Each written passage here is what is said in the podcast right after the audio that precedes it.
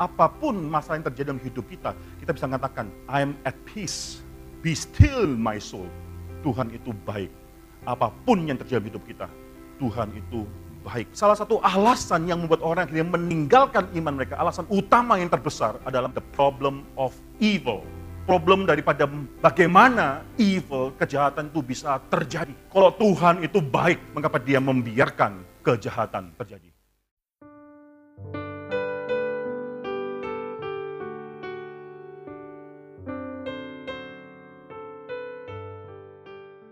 Akan tetap melanjutkan khotbah daripada kitab Rut.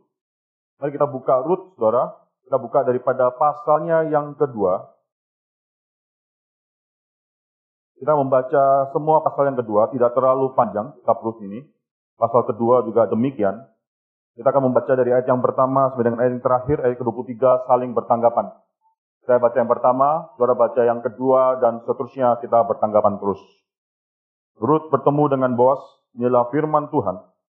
Naomi itu mempunyai seorang anak, sanak dari pihak suaminya, seorang yang kaya raya dari kaum Elimelek, namanya Boas.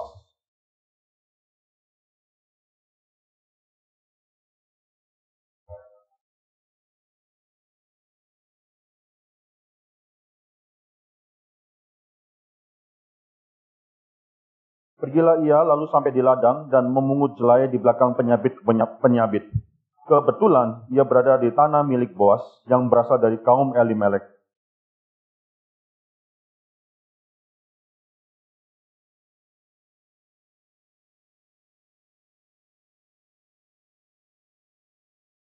Lalu kata Boas kepada bujangnya yang mengawasi penyabit-penyabit itu, dari manakah perempuan ini?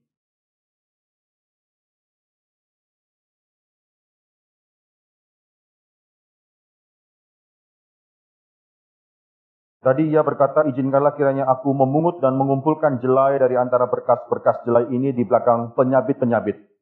Begitulah ia datang dan terus sibuk dari pagi sampai sekarang dan seketika pun ia tidak berhenti.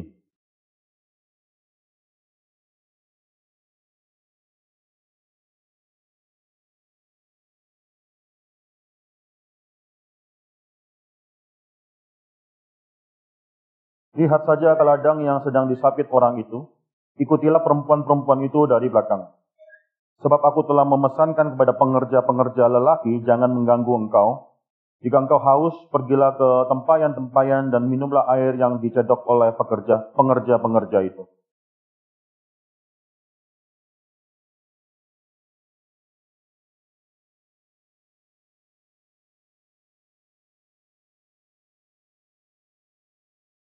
Buas menjawab, telah dikabarkan orang kepadaku dengan lengkap segala sesuatu yang engkau lakukan kepada mertuamu sesudah suamimu mati, dan bagaimana engkau meninggalkan ibu bapamu dan tanah kelahiranmu serta pergi kepada suatu bangsa yang dahulu tidak engkau kenal.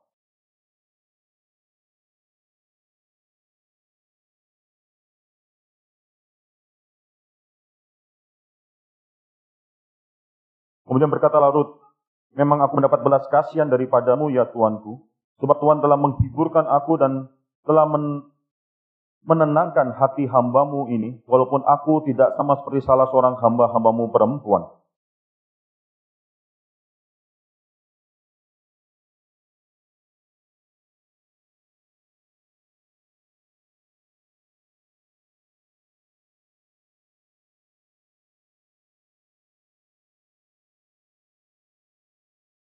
Soalnya ia bangun untuk memungut pula, maka Boas memerintahkan kepada pengerja-pengerjanya dari antara berkas-berkas itu pun ia boleh memungut, janganlah ia diganggu.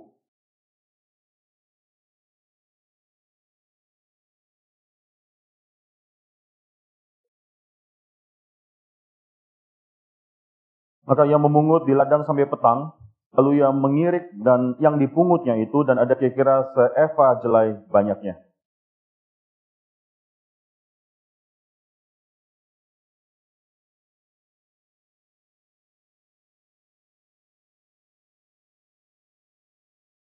Maka berkatalah mertuanya kepadamu, kepadanya, di manakah engkau memungut dan di manakah engkau bekerja hari ini? Diberkatilah kiranya orang yang telah memperhatikan engkau itu. Lalu diceritakannya kepada mertuanya itu, pada siapa ia bekerja? Katanya, nama orang pada siapa aku bekerja hari ini ialah Boas.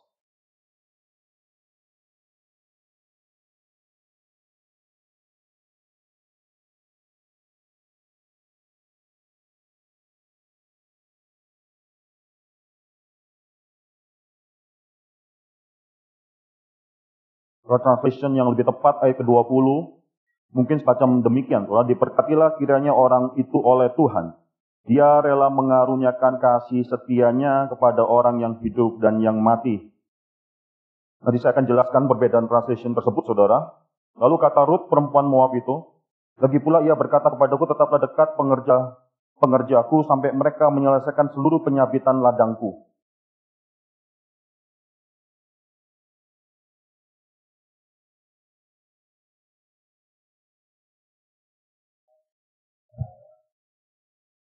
Demikianlah Ruth tetap dekat pada pengerja-pengerja perempuan Boas untuk memungut sampai musim menuai jelai dan musim menuai gandum telah berakhir dan selama itu ia tinggal pada mertuanya. Coba mari kita tundukkan kepala dan kita akan berdoa. Bapak dan suka kami syukur untuk semua pimpinan Tuhan, semua pekerjaan Tuhan, baik yang kami bisa rasakan, maupun yang sering kali kami tidak rasakan. Engkau bekerja, karena engkau selalu bekerja dalam hidup anak-anak Tuhan, Engkau bekerja demi kebaikan daripada nama Tuhan, demi kebaikan daripada anak-anak Tuhan. Tidak ada suatu hal apa pun dalam hidup kami ini ya Tuhan, yang bisa memisahkan kami daripada kasih Tuhan terhadap kami. Bapak ke dalam tangan Tuhan yang menciptakan kami, yang menopang kami, yang menebus kami. Kami menyerahkan pagi ini, kami menyerahkan pemberitaan firman Tuhan.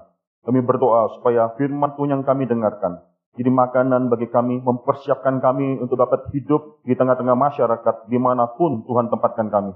Segala sesuatu yang terjadi dalam hidup kami, itu adalah atas pengaturan daripada Tuhan, atas pengaturan daripada Tuhan yang baik, atas pengaturan daripada Tuhan yang penuh dengan kasih setia. Ajar kami untuk bisa mengenal hal itu daripada apa yang sudah Tuhan lakukan dalam hidup anak-anak Tuhan, apa yang sudah Tuhan nyatakan, ajarkan, paparkan melalui firman Tuhan yang kami baca pada hari ini. Kami serahkan semua dalam tangan Tuhan. Dalam nama Tuhan Yesus Kristus, kami berdoa. Amin. Terus sekali lagi saya ingat daripada Rut pasal yang pertama. Sangat cepat sekali Rut menceritakan mengenai tragedi. Hanya dalam lima ayat yang pertama saja, itu tragedi bertimpa, ber, berturut-turut menimpa pada suatu keluarga yaitu Elimelek tersebut. Banyak tragedi terjadi. Tapi penulis Alkitab tidak mau kita fokus pada tragedi yang terjadi. Dalam hidup kita, kemungkinan kemalangan terjadi. Dalam hidup kita, kemungkinan tragedi bisa terjadi. Tapi yang paling penting bukan tragedi yang terjadi. Yang paling penting adalah bagaimana kita meresponi segala sesuatu dalam hidup ini. Maka penulis Alkitab bisa menuliskan lebih daripada 17 ayat berikutnya untuk menceritakan bagaimana perempuan-perempuan ini akhirnya meresponi atau menanggapi tragedi yang sedang terjadi ini. Ini suatu hal yang sangat penting, saudara-saudara bisa melihat antara Naomi dan Ruth. Kita terus bandingkan Naomi dan Ruth, Naomi dan Ruth. Naomi adalah seorang Israel yang mungkin umur pada saat itu sudah mungkin sekitar 50 tahun, minimal sekitar 50 tahun diperkirakan.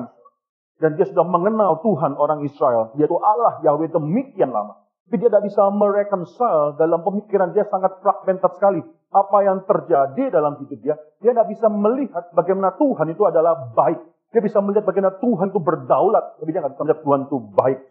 Kalau ada suatu kata yang penting yang diucapkan oleh Naomi dalam ayat pasal yang pertama ayat ke-8, saudara. Coba kita baca di sana. Ayat pertama, pasal yang pertama yang ke-8, pergilah pulanglah masing-masing ke rumah ibunya Tuhan kiranya menunjukkan kasihnya kepadamu. Berkata di sana kasih bukan cuma kasih saja, dalam bahasa Hebrew, dalam bahasa Ibrani itu adalah heset, saudara. Heset, yang berarti bukan cuma belas kasihan saja atau cuma uh, mercy, bukan lebih daripada itu. Kasih setia, loving kindness. Ada suatu kasih dan juga ada suatu komitmen, ada suatu kesetiaan daripada Tuhan. Dua keset adalah suatu term, suatu ide yang demikian penting di dalam bibir daripada orang-orang Yahudi yaitu dia mereka sangat sering dalam Alkitab bahasa Ibrani sendiri hampir 300 kali kata keset ini keluar saudara. Yaitu kasih setia, kasih setia daripada Tuhan. Maka di sini saudara bagi orang Yahudi mengucapkan kata keset itu sama seperti pentingnya, mungkin sama seperti gampangnya bagi mereka untuk mengucapkan kata shalom atau kata sabat yang juga sangat penting dalam vokabulari mereka. Keset demikian penting menunjukkan bahwa Tuhan itu memiliki belas kasihan, khususnya kasih setia Tuhan kepada orang-orang Yahudi. Orang Yahudi sangat memegang konsep penting ini. Jadi pada saat itu, saudara, Ruth, nah, Naomi, Naomi memiliki suatu problema untuk mereconcile, merekonsiliasikan konsep keset ini dengan Tuhan yang berdaulat dan dengan Tuhan yang besar. Tuhan bisa berdaulat. tapi dia bukan Tuhan yang baik, saudara. Ini adalah suatu hal yang dia harus alam ketika dia katakan dalam pasal 1 ayat 8. Dia kasih setia Tuhan bersama kepadamu, ditunjukkan kepadamu. Itu seperti kayak lip service saja. Karena dia akan mengatakan bahwa Tuhan yang berdaulat, Tuhan yang berkuasa, Tuhan yang mighty ini adalah Tuhan yang sedang menekan dia. Dia terus katakan, dia punya bitterness melebihi semua daripada Ur Orpa maupun Ruth ini. Yang melihat bagaimana tangan Tuhan teracung terpadanya. He is great, but he is not good. Itu konsep daripada Naomi. Sangat berbeda sekali lagi, saudara. Justru Ruth lah orang asing ini. Saudara bisa pikir, saudara, siapa sih Ruth? Berapa lama si Ruth sudah kenal Tuhan? Siapa sih Ruth? Kalau dikatakan Ruth itu mungkin bisa lebih kehilangan daripada Naomi. Karena Ruth bukan hanya kehilangan laki-laki, seorang suami yang dia perlukan. Ruth bahkan kehilangan identitas, mau pulang ke negaranya sendiri pun orang Moab mungkin ditolak. Mau kembali pada orang-orang Israel, pergi pada negara Israel, orang-orang Israel mungkin juga sangat akan ditolak. Karena orang Israel tidak boleh bersekutu dengan orang Moab. Saudara. Yang saudara pasti perhatikan, ketika Boas menanyakan siapakah, atau bukan siapa, kalau menarik saudara pertanyaan daripada Yoas, ayat yang kelima, ya, Yoas, uh, Boas saudara bukan menanyakan siapakah perempuan ini, Boas menanyakan dari manakah perempuan ini, saudara. Maka bujang atau pegawai daripada Boas mengatakan dia adalah seorang perempuan Moab. Identitas Moab terus melekat dalam diri Ruth tersebut. Dia adalah seorang Ruth yang adalah orang Moab, orang asing, orang yang seharusnya tidak ada tempat di dalam masyarakat orang Israel itu. Tapi justru Ruth ini yang mengasihi Naomi dan komitmen Ruth terhadap Naomi. Kalau sudah baca dalam Ruth pasal yang pertama ayat 16 ayat ke-17 kita minggu lalu sudah katakan dan saya tidak akan ulangi di sini. Pada dasarnya perkataan-perkataan Ruth kepada Naomi itu ada suatu chiastic structure. Di sana di mana intinya adalah Ruth berkomitmen terhadap Allah Yahweh ini suatu hal yang sangat mencengangkan sekali bagaimana seorang yang baru beriman yang mungkin tidak lama beriman pasti tidak lebih lama sudah pasti itu daripada Naomi dia mengenal Tuhan Allah Yahweh. Tapi ketika dia mengalami suatu kejadian kemalangan hidup, dia bisa berpegang pada Allah Yahweh. Naomi sekarang sedang kritis iman dia. Kau bisa melihat bagaimana perbedaan antara Ruth dan Naomi tersebut dalam ayat yang pasal yang kedua ini. Saudara, kedua orang ini sudah pulang ke Bethlehem. Kedua orang ini masih perlu makanan. Kedua orang ini masih perlu bisa hidup di tanah tersebut. Tapi hanya Ruth yang akhirnya mengatakan bahwa dia akan pergi mencari makanan. Hanya Ruth yang mengatakan bahwa dia akan pergi memungut butir-butir yang jatuh. Gleaners, orang yang harus bukan bukan panen daripada gandumnya tersebut. Ketika orang panen itu ada butir-butir yang jatuh dan Ruth akan memakai konsep atau provision atau apa yang sudah diatur oleh Tuhan dalam perjanjian lama. Coba kita baca saudara, yaitu di dalam imamat. Ini adalah suatu hal yang sangat indah sekali yang sudah Tuhan lakukan, yang sudah Tuhan lakukan berikan peraturan ini berapa ratus tahun sebelum Ruth kejadian daripada Ruth ini mempersiapkan apa yang akan terjadi dalam hidup daripada Ruth ini. Imam pasal 19 ayat yang ke-9, Saudara. Ya, saya akan bacakan ayat 9 ayat ke-10. Imam pasal 19 ayat 9 dan 10. Pada waktu kamu menuai hasil tanahmu, janganlah kau sabit ladangmu habis-habis sampai ke tepinya, ada suatu larangan, saudara, bagi orang Israel. Tuhan melarang, kalau engkau punya ladang dan kau akan menuai ladang tersebut, jangan semuanya dituai. Pinggir-pinggirnya itu harus disisakan. Jangan semua yang engkau ambil untuk dirimu sendiri, memang itu adalah ladangmu. Itu berarti bahwa engkau memiliki semuanya itu, yang memiliki semua hasil dari ladang itu adalah Tuhan. Dan Tuhan selalu memerintahkan ada suatu covenant daripada Tuhan pada orang Israel, bahwa engkau tidak bisa mengambil semuanya bagi dirimu itu sendiri, kita harus pikirkan konteksnya kita konteks hidup kita zaman modernnya ini apa. Ya kita adalah seorang steward yang manage apa yang Tuhan miliki. Ini adalah ladang pada mereka. Ini adalah milik daripada Tuhan. Dan mereka hanya mengolah saja. Ke peraturan datang, janganlah kau sabit ladangmu habis-habis sampai ke tepinya. Dan janganlah kau pungut apa yang ketinggalan daripada penuaianmu. Kalau udah jatuh, biarkanlah. Kalau sudah jatuh, biarkanlah orang-orang lain yang akan ambil. Ayat ke-10, juga sisa siwa buah anggurmu, janganlah kau petik untuk kedua kalinya, dan buah yang berjatuhan di kebun anggurmu, janganlah kau pungut. Tapi semuanya itu harus kau tinggalkan bagi orang miskin dan bagi orang-orang asing. Akulah Tuhan alam.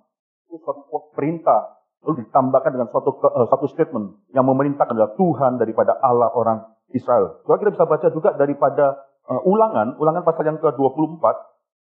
Kita buka ulangan pasal yang ke-24. Ini peraturan yang serupa, serupa juga ada dalam ulangan, diulang dalam ulangan pasal 24 ayat 19, 20.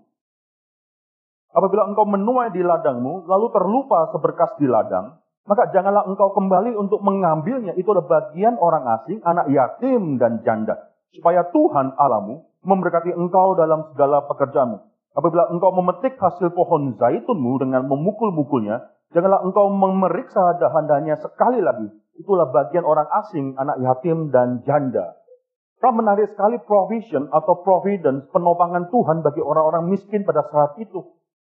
Ya, di sana Tuhan memikirkan bahwa ada orang-orang asing yang akan tinggal di antara orang Israel. Mereka ada orang yang mungkin tidak mendapatkan kedudukan atau posisi dalam masyarakat tinggalkan sangat sulit sekali untuk bisa menghidupi hidup mereka. Tuhan memperhatikan orang yang miskin, orang yang asing dan lain sebagainya, anak yatim dan sebagainya. Saya akan bicara lebih lanjut lagi mengenai hal itu. Tetapi yang menarik pada saat ini, Ruth mengenal mengenai peraturan ini. Bukan Naomi yang mengasih tahu, di sini tidak dikasih tahu. Naomi yang kasih tahu Ruth, ada peraturan macam demikian. Sekarang kita bisa mendapatkan makanan melalui peraturan atau provision daripada Tuhan macam demikian. Pergilah engkau. Enggak. Ruth, um, Naomi tidak pernah mengatakan hal ini. Tapi Ruth mengenal. Dan ini luar biasa, saudara. Seringkali, saudara, jangan meremehkan orang yang baru mengenal Tuhan. Jangan kita sering gampang meremehkan orang yang baru mengenal Tuhan.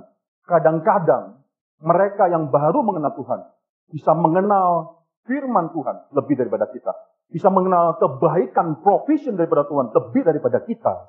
Naomi tahu tapi Naomi tidak bicara. Dan yang menarik sekali lagi di sini adalah Naomi sendiri tidak pergi bekerja. Ruth yang pergi. Entah mengapa alasannya Naomi tidak bekerja, hanya Ruth yang dikatakan pergi.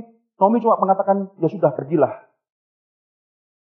Maka di sini saudara orang yang berpikir, apa alasannya Naomi tidak bekerja? Kalau mereka benar-benar memerlukan bukanlah dua orang bekerja akan lebih cepat, lebih aman, bisa mendapatkan lebih banyak untuk keperluan mereka dan sebagainya. Tapi ada yang mengatakan, oh mungkin Naomi sudah terlalu tua. Atau mungkin Naomi tidak bisa melakukan hal tersebut. Tapi Alkitab mengatakan tidak ada alasan-alasan ini. Bahkan Naomi pun tidak terlalu tua sebenarnya. Kira-kira umur 50 saja dan bisa melakukan hal ini, dia lakukan. Banyak orang mempertanyakan kenapa Naomi tidak melakukan. Kemungkinan besar. Nah, ini satu kemungkinan, dan ini lebih masuk akal menurut saya, adalah Naomi mungkin masih mengalami kepahitan itu. Naomi masih mengalami bitterness, ada despair, ada kecewaan dan sebagainya sehingga dia akhirnya tidak melakukan apa-apa. Apa pun alasannya itu, saudara, sering kali ini terjadi dalam hidup kita juga. Ketika kita mengalami suatu kekecewaan hidup, problema hidup, bahkan membawa kita kepada satu depresi, saudara, kita tidak bisa bekerja apa-apa lagi. Itu sering terjadi.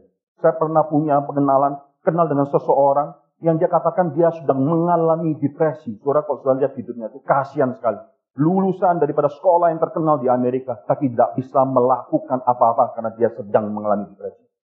Lalu dia tanya sama saya, boleh tidak makan obat? Karena banyak orang yang mengatakan obat itu tidak boleh, karena kita harus berserah hanya kepada Tuhan saja. Ya, ada bahkan yang mengatakan bahwa kalau kita sakit, tidak perlu ke rumah sakit, tidak perlu cari dokter, karena Tuhan bisa menyembuhkan. Karena Tuhan memang bisa menyembuhkan. Tapi Tuhan juga bisa menggunakan medis-medis dan teknologi dalam medis untuk membantu kita itu secondary causes bagi saya. Saya katakan silakan. Tetapi saya katakan problemamu yang terbesar bukan masalah chemical imbalance dalam otakmu yang bisa ditenangkan dengan obat. Katakan problemamu yang terbesar adalah masalah teologi. Kalau semua pergumulan hidup kita pada akhirnya tidak bisa kita hanya lari dengan makan obat dan sebagainya. Kita harus menyelesaikan pada saat pada saat itu saudara adalah the root cause akar daripada problema tersebut, yaitu masalah ideologi. Di sini, saudara, Ruth, maaf, Naomi bisa mengalami despair, kekecewaan, bisa mengalami depression atau apa pun yang dialami. Karena satu hal yang penting, masalah teologi. Dia tidak bisa reconcile bahwa Tuhan itu baik. Terus sangat berbeda sekali ketika kita menghadapi dunia ini dengan satu konsep bahwa Tuhan itu baik. Apa pun masalah yang terjadi dalam hidup kita, kita bisa mengatakan, I am at peace. Be still my soul. Tuhan itu baik. Apa pun yang terjadi di hidup kita, Tuhan itu baik, saudara. Saudara perkataan daripada Tuhan itu baik muncul belakangan dalam mulut daripada Naomi. Setelah terjadi Rut pasal yang kedua ini. Coba kita baca Rut pasal yang kedua ayat yang ke-20, saudara. Ya, sesudah itu berkatalah Naomi kepada menantunya, diberkatilah kiranya orang itu Boas oleh Tuhan, Yahweh, yang rela mengaruniakan kasih setianya. Hesed. Vokabulari Hesed tersebut sekarang muncul lagi dalam bibir daripada Naomi.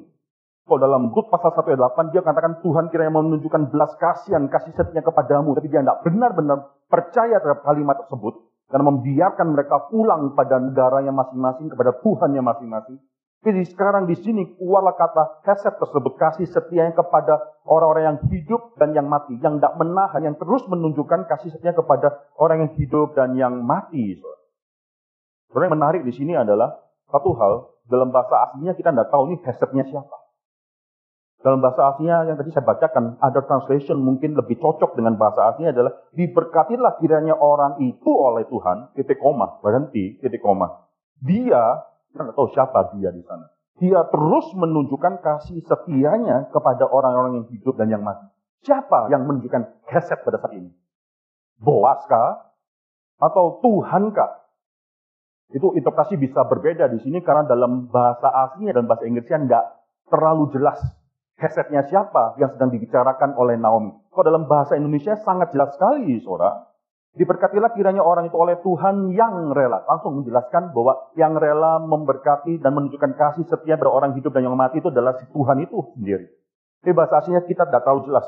Tapi yang saya percaya, saudara, memang translation dalam bahasa Indonesia ini tepat. Dalam arti memang Tuhan yang menunjukkan. Pada satu Naomi mengakui bahwa Tuhan Yahweh itu sang juga menunjukkan gesetnya tersebut pada orang-orang yang hidup dan yang mati. Mengapa? Karena dia tidak banyak interaksi dengan Boas. Dia tidak banyak memiliki interaksi hidup dengan Boas. Ini baru pertama kali tidak bisa mengatakan bahwa Boas sudah memperhatikan orang-orang yang hidup dan yang mati. Tidak. Dia mengalami kematian bersama dengan Tuhan, bukan bersama dengan Boas. Maka di sini mungkin lebih tepat memang dikatakan bahwa Tuhan yang akhirnya mengaruniakan kasih setia kepada orang yang hidup dan yang mati. Poinnya adalah sekarang Naomi melihat kembali ada heset di dalam Tuhan. Ada kasih setia yang dia bisa rasakan melalui apa yang terjadi. Dan apa yang terjadi ini luar biasa. Kita bisa mengenal daripada cerita ini dengan beberapa hal yang penting bahwa Tuhan itu terus bekerja. Kita mau melihat kebaikan Tuhan atau tidak, Kalimat yang penting adalah segala sesuatu bekerja untuk hal-hal yang baik for the good of those bagi mereka yang mengasihi Tuhan. Itu dikatakan dalam perjanjian baru. Tidak ada satu pun dalam hidup kita. Di mana kita bisa mengatakan orang yang sudah mengasihi Tuhan, orang yang dikasih oleh Tuhan. Kita tidak merasakan kasih setia daripada Tuhan. Tidak mungkin. Kemarin saya katakan di dalam Reform Bible Study, bahwa Tuhan menopang. Selalu menopang. Tidak ada satu detik pun di mana Tuhan tidak menopang kita. Kalau ada suatu pertanyaan mengenai bagaimana kalau orang yang jahat ketika melakukan suatu evil, apakah Tuhan juga sedang menopang? Kalau jawabannya harus ya, pada saat itu terjadi. Tuhan menopang bukan Tuhan yang mendorong. Ini beda sekali. Tuhan menopang bukan Tuhan yang akhirnya menyuruh atau memaksa atau menjadikan orang itu bisa melakukan kejahatan. Tapi orang itu bisa hidup karena Tuhan menopang. Orang itu juga bisa bernafas pada saat itu.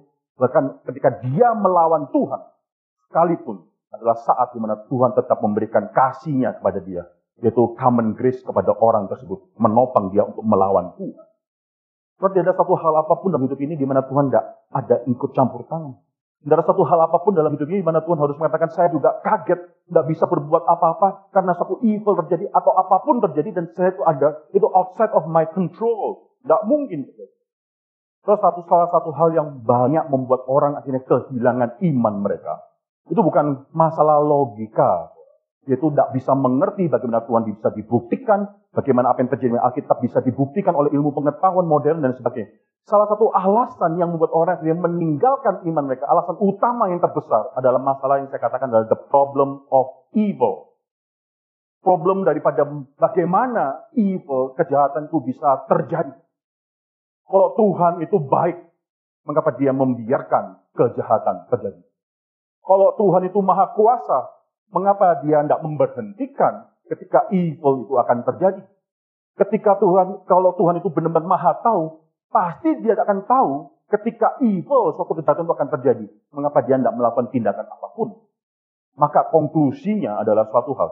Evil terjadi menunjukkan bahwa Tuhan tidak mungkin tiga-tiganya ini maha tahu, maha baik, maha kuasa. Tidak mungkin. Bisa dua, maha tahu dan maha baik. Dia tahu akan terjadi. Dia adalah Tuhan yang maha baik. Tapi apa boleh buat? Dia tidak berkuasa menghentikan evil tersebut. Atau maha tahu dan maha kuasa. Tapi dia tidak maha baik. Dia tahu evil itu akan terjadi. Dia memiliki kuasa dan kemungkinan untuk bisa memberhentikan evil tersebut. Tapi apa boleh buat? Dia adalah Tuhan yang maha baik. Dia tidak mau melakukan hal itu. Kalau ada tiga kombinasi, kemungkinan besar hanya dua. Tuhan hanyalah maha tahu atau maha baik. Maha tahu, maha kuasa. Atau maha baik, maha kuasa, tidak maha tahu. Masalah problem of evil, ketika kita mengalami evil dalam hidup ini, itu saat di mana kita diuji. Apakah kita benar-benar bisa melihat Tuhan itu baik. Ketika kita tahu Tuhan itu baik, ketika kita bisa mengimankan Tuhan baik, ketika teologi kita, kita bisa pegang dan memakai teologi itu menginterpretasikan sirkumstansi di sekitar kita, apa yang terjadi di sekitar kita, itu saat di mana kita bisa menikmati Tuhan in whatever situation. In whatever situation. So ada beberapa hal yang terjadi dalam hidup daripada Naomi dan Ruth ini yang menunjukkan bahwa Tuhan terus bekerja. Tuhan terus bekerja. Ada suatu kalimat yang saya akan menarik. Ayat ketiga, coba kita baca. Pergilah ayat pasal kedua ayat ketiga, pergilah ia lalu sampai di ladang dan memungut jelai di belakang penyabit-penyabit. Kebetulan. Kebetulan ia berada di tanah milik Boas yang berasal daripada kaum Elimelek. Saudara-saudara tidak bisa melihat ayat yang pertama. Ayat pertama mengatakan bahwa Naomi itu punya seorang sanak dari pihak suaminya, seorang yang kaya raya dari kaum Elimelek namanya Boas. Itu adalah point of view daripada narator. Narator memberitahukan kepada kita bahwa Naomi memiliki sanak saudara yang namanya Boas, orang yang kaya raya.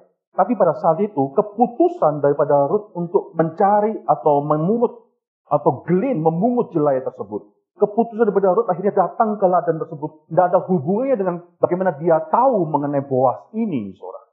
Maka di sini ayat yang ketiga dikatakan kebetulan di antara semua ladang yang dia bisa pergi dan bekerja, kebetulan dia masuk ke ladangnya Boas. Saudara, mengapa kita pakai kata kebetulan? Bukankah saya sudah katakan kemarin, bagi orang Kristen, tidak ada yang namanya kebetulan. Bagi Tuhan yang menciptakan seluruh langit dan bumi, di mana dia berdaulat ke segala sesuatu, tidak ada yang namanya kebetulan, chance, atau peluang, kebetulan, itu tidak ada porsinya dalam hidup seorang Kristen. Tuhan yang bekerja. Tapi dalam mata uh, sudut pandang mata kita, yang terbatas ini, kita kadang-kadang berpikir, wah kok bisa ya, kebetulan. Gak direncanakan, tapi terjadi. Saya pernah di Amerika, salah satu cabang kita dulu di Amerika, yaitu di Salt Lake City, saudara itu mereka akhirnya bertemu orang Kristen, bertemu dengan orang karena kebetulan. Pada saat itu mereka ke Costco, lalu ini keluarga tidak saling mengenal.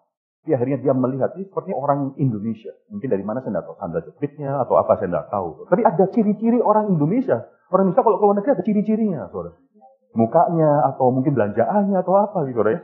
Lalu dia bilang, oh dia samperin, kamu orang Indonesia. Iya, saya adalah orang Indonesia. Kebetulan hari itu sama-sama belanja di Costco. Ada banyak Costco di Salok City, kebetulan datangnya sama-sama di sana. Lalu ketika ditanya kebetulan hari, hari itu juga dia bertemu, dan dia katakan, kamu orang Kristen? Iya orang Kristen. Mau ndak bersekutu bersama? Lahirlah persekutuan di sana karena kebetulan ini. Tapi apakah benar kebetulan? Saya rasa tidak. Karena Tuhan yang mengajak saat ibadah pada pagi hari ini pun bukan karena kebetulan. Karena saudara ingin, karena saudara rajin. Dan lain. Tapi Tuhan yang mendorong kita, Tuhan yang mengatur pertemuan ini. Kalau ada suatu kesempatan-kesempatan kita bisa bekerja, itu bukan karena kebetulan, bukan. Kebetulan saya bertemu dengan kau. Tapi Tuhan yang mempertemukan kita semua. Semua dalam tangan Tuhan yang berdaulat. Tidak ada suatu pun di mana Tuhan tidak mengetahui tidak memiliki kontrol, sehingga akhirnya chance, peluang, suatu hal yang di luar diri Tuhan yang menentukan fate dan lain sebagainya yang menentukan semua progres daripada sejarah ini. Tidak. Dalam mata kata daripada Ruth dan Naomi pada saat itu, kebetulan Ruth masuk ke ladang Boas. Itu adalah cara Tuhan bekerja. Bukan cuma itu saja, soalnya ada banyak kebetulan yang lain. Setelah Ruth masuk dalam ladang Boas, kebetulan hari itu Boas juga datang ke ladang itu. Coba ayat yang keempat, saudara, Boas harus datang. Lalu datanglah Boas dari Bethlehem. Pas Ruth ada pada hari itu, pas masuk di ladang Boas, pas hari itu juga Tuhan kirim Boas ke ladang tersebut. Dan bukan cuma itu, ada kebutuhan-kebutuhan yang lainnya. Ketika mereka bahkan mendengarkan bahwa Bethlehem itu sudah sekarang diberkati oleh Tuhan, sudah ada, tidak lagi ada kelaparan. Coba saudara baca pasal 1 ayat ke-22. Ada kebetulan yang lainnya lagi. Demikianlah Naomi pulang. Waktu mereka pulang bersama-sama dengan Ruth perempuan Moab itu, menantunya yang turut pulang dari Moab, sampailah mereka ke Bethlehem pada permulaan musim menuai jelai. Pada permulaan. Pas. Waktunya sangat, the timing is so very perfect. Diatur oleh Tuhan.